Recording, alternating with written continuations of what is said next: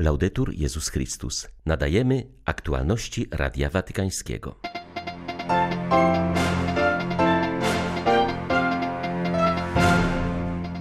Po modlitwie Regina Celi papież Franciszek wyraził niepokój z powodu nasilenia aktywności militarnej we wschodniej Ukrainie.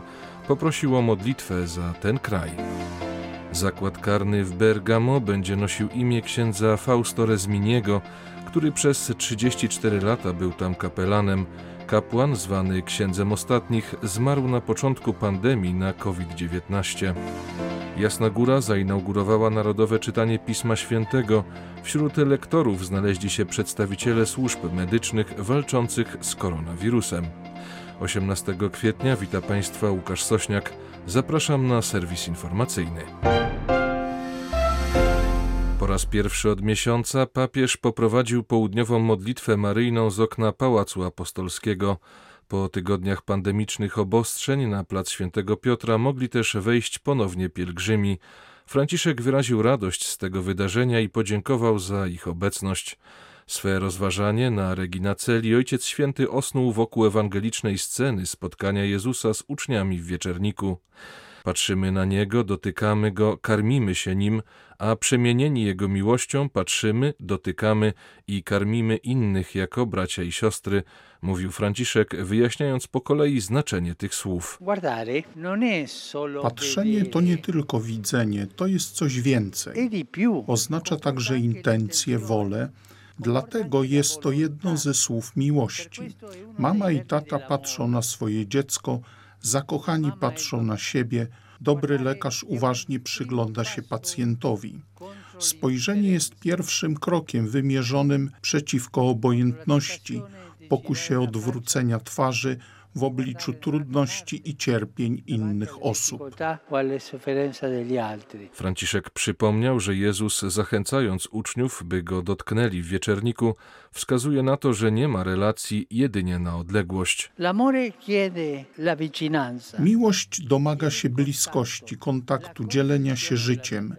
Miłosierny Samarytanin nie ograniczył się do spojrzenia na człowieka, którego znalazł półżywego przy drodze. Schylił się, opatrzył jego rany, wsadził go na juczne zwierzę i zawiózł do gospody. I tak samo jest z Jezusem. Kochać to znaczy nawiązać z Nim żywą, konkretną komunię. Papież zauważył, że gdy Jezus poprosił o pokarm i usiadł, by zjeść go razem z uczniami, wyraził najbardziej naturalną potrzebę naszego człowieczeństwa, jaką jest konieczność posilenia się, aby żyć. Jedzenie, gdy czynimy to razem, w rodzinie lub w gronie przyjaciół, staje się także wyrazem miłości, jedności, świętowania. Ileż razy Ewangelie ukazują nam Jezusa przeżywającego ten wymiar uczty, także jako zmartwychwstałego, do tego stopnia, że uczta eucharystyczna stała się symbolem wspólnoty chrześcijańskiej.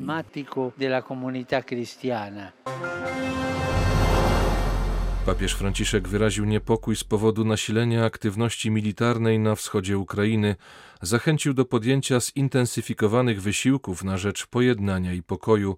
Na zakończenie południowego spotkania z wiernymi poprosił o modlitwę za Ukrainę.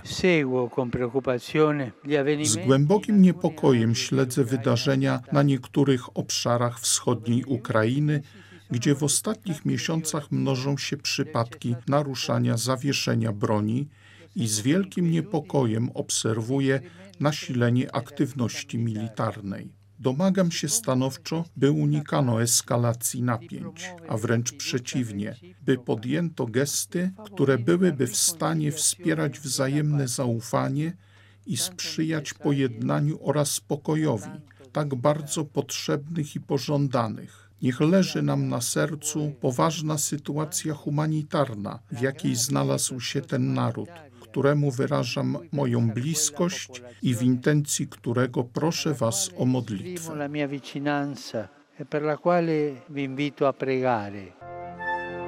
Aktualności Radia Watykańskiego. Katolicki Uniwersytet Najświętszego Serca w Mediolanie obchodzi stulecie istnienia. Z tej okazji msze dla pracowników i studentów odprawił kardynał Pietro Parolin. Watykański sekretarz stanu przypomniał w homilii, że każdy uniwersytet jest powołany przede wszystkim do otwierania umysłów młodych ludzi na piękno wiedzy. Zaznaczył, że nie chodzi o takie otwarcie, które ogranicza się wyłącznie do zdobywania informacji i umiejętności technicznych, ale o takie, które ma na celu poszukiwanie mądrości. Kardynał Parolin zaapelował do akademików, aby nie przerażało ich to, co papież Franciszek nazwał katastrofą edukacyjną spowodowaną przez pandemię. Wszyscy zaangażowani w szkolnictwo powinni teraz skupić się na formacji ludzi dojrzałych, którzy potrafią kreślić nowe drogi rozwoju i człowieczeństwa, zaznaczył watykański sekretarz stanu. Nawiązał do dzisiejszej Ewangelii, w której znajduje się scena spotkania Jezusa z apostołami po zmartwychwstaniu. Zauważył, że uczniowie, gdy zobaczyli swego mistrza, byli zatrwożeni i przestraszeni.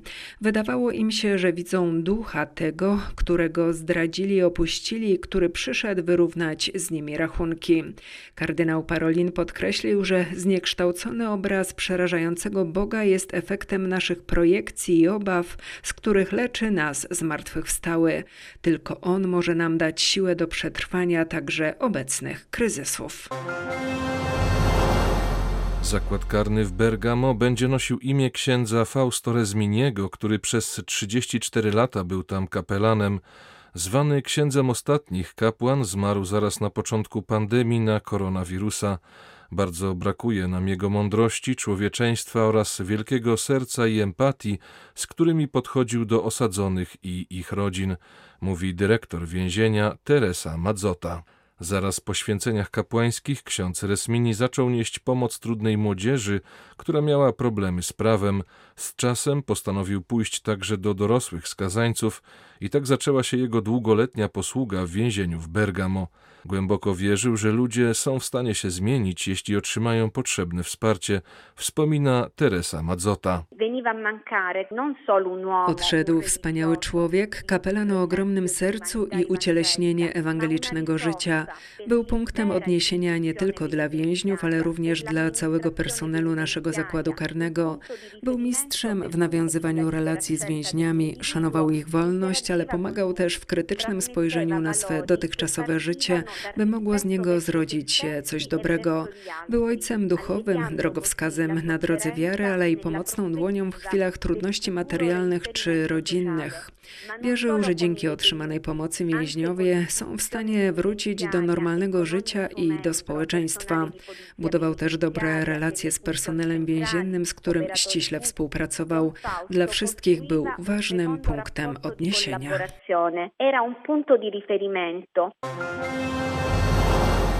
Katolicy z Korei Południowej odpowiadają na apel papieża Franciszka, by dzielić się szczepionkami na COVID-19 z ubogimi krajami. Dlatego kardynał Andrew Su Jung z Seulu zorganizował zbiórkę pieniędzy przeznaczonych na zakup szczepionek dla krajów o niższych dochodach. Inicjatywa zapoczątkowana w niedzielę wielkanocną potrwa do 27 listopada, czyli do ostatniego dnia jubileuszu dwustulecia urodzin świętego Andrzeja Kim Tae-gona, pierwszego księdza koreańczyka i patrona tego kraju. Arcybiskup Seulu zauważył, że to właśnie ubodzy i słabi najbardziej cierpią z powodu pandemii, stąd konieczność wyciągnięcia do nich pomocnej dłoni. To nie tylko zbiórka środków finansowych, ale także możliwość pójścia drogą Ewangelii, okazania solidarności z potrzebującymi i wejścia na drogę nadziei, zaznaczył Purpurat. Zdaniem ekspertów takie inicjatywy są szczególnie potrzebne w obecnym czasie, w którym obserwuje się spowolnienie w dostawach szczepionek. Powodem jest znaczny wzrost zachorowań w Indiach, które są największym producentem tych preparatów na świecie. Spowolnienie wywołują także kontrowersje dotyczące niektórych szczepionek związane z krzepliwością krwi po ich przyjęciu. Biskupi Kenii i Etiopii wyrazili swoje zaniepokojenie stanowiskiem Organizacji Narodów Zjednoczonych w sprawie polityki równości seksualnej. Ich zdaniem ONZ coraz bardziej wspiera radykalne ideologie oparte na teorii gender, a tym samym dąży do zatarcia wszelkich różnic między kobietami i mężczyznami. Takie stanowisko podważa zdobycze ludzkości w dziedzinie praw człowieka, może zniszczyć lata pracy w dziedzinie ochrony praw najsłabszych, to znaczy kobiet i dzieci, czytamy w komunikacie biskupów. Biskupi przypominają, że ideologia gender twierdzi, iż każda osoba ma tożsamość płciową, która może, ale nie musi być zgodna z jej płcią biologiczną. Zdecydowanie sprzeciwiamy się wprowadzeniu prawa, które pozwoliłoby na naruszenie przestrzeni prywatnej kobiet i dzieci przez mężczyzn identyfikujących się jako kobiety, napisali biskupi. Ostrzegli, że przyjęcie przez ONZ polityki opartej na tej ideologii, która uznawałaby 112 różnych tożsamości płciowych, wywołałaby ogromne zamieszanie i kontrowersje wśród państw członkowskich. Ich zdaniem spowodowałoby to chaos prawny, w którym każdy mógłby się podawać za każdego i tylko od osoby zainteresowanej zależałoby, jakie prawa jej przysługują. Biskupi zaznaczyli, że zamiast tworzyć specjalne prawa w oparciu o niebezpieczne ideologie, lepiej zadbać o egzekwowanie istniejących przepisów i rezolucji, które wzywają do eliminacji przemocy wobec kogokolwiek. Misjonarze Augustianie organizują w Algierii sieć pomocy dla młodzieży zagrożonej samobójstwem. Bieda i brak perspektyw na przyszłość sprawiają, że każdego dnia w tym kraju odbiera sobie życie co najmniej troje ludzi w wieku od 15 do 24 lat. Państwo traktuje to jako temat tabu. Jedyne wsparcie zagrożona młodzież otrzymuje od instytucji kościelnych. Augustianie podkreślają swą ścisłą więź z Algierią, gdzie urodził się święty Augustyn, którego regułą żyją. Nie opuścili tego kraju nawet w czasie ciemnych lat terroryzmu, kiedy groziła im utrata życia. Niestrudzenie pracują na rzecz najuboższych i potrzebujących, angażując się również w dialog międzykulturowy i międzyreligijny, którego głównym centrum jest Bazylika w Hipponie. W ostatnich latach kraj się nieznacznie rozwinął, ale wciąż sytuacja ekonomiczna jest bardzo trudna. Co trzeci młody człowiek pozostaje bez pracy, rodzi to frustrację i odbiera nadzieję na przyszłość, mówi Mauricio Mistiano z Fundacji Augustianie w świecie. Podkreśla on, że liczba samobójstw systematycznie rośnie, a państwo nie niesie młodym żadnej pomocy psychologicznej. Stąd projekt utworzenia w tym kraju pięciu ośrodków wsparcia oraz założenia telefonu pomocy, przy którym czuwać będą specjaliści. Projekt realizowany jest we współpracy ze wspólnotą muzułmańską. Główne obchody Narodowego Czytania Pisma Świętego odbyły się także na Jasnej Górze. Wzięli w nich udział zaproszeni lektorzy, a wśród nich przedstawiciele służb medycznych walczących z COVID-em. Jednoczenie Polaków wokół Biblii to przypomnienie o zobowiązaniach chrzcielnych sprzed 1055 lat i programu Wielkiej Nowenny prymasa Wyszyńskiego o wierności Kościołowi i Ewangelii, powiedział ksiądz profesor Henryk Witczyk, przewodniczący dzieła biblijnego w Polsce. Chcemy też tym narodowym czytaniem Ewangelii według świętego Marka w tym roku, wezwać wszystkich nas, ochrzczonych Polaków, do miłości wzajemnej. Ona jest absolutnie podstawowym warunkiem sprawowania wieczerzy pańskiej. Bez tej miłości wzajemnej sprawowanie Eucharystii jest niegodne. Pismo Święte to żywe słowo Boga, przypomina biskup Antoni Długosz, który sprawował mszę świętą. Pamiętajmy o tym, aby Pismo Święte było przewodnikiem naszego życia, abyśmy swoje doświadczenia życia interpretowali słowami słowami i czynami Jezusa Chrystusa. Dzisiejsza niedziela rozpoczyna w Kościele w Polsce 13 tydzień biblijny. To kolejna okazja, by odnowić lub rozpocząć spotkanie z Pismem Świętym. Dla Radia Watykańskiego Izabela Tyras, Radio Jasna Góra. Były to aktualności Radia Watykańskiego. Laudetur Jezus Chrystus.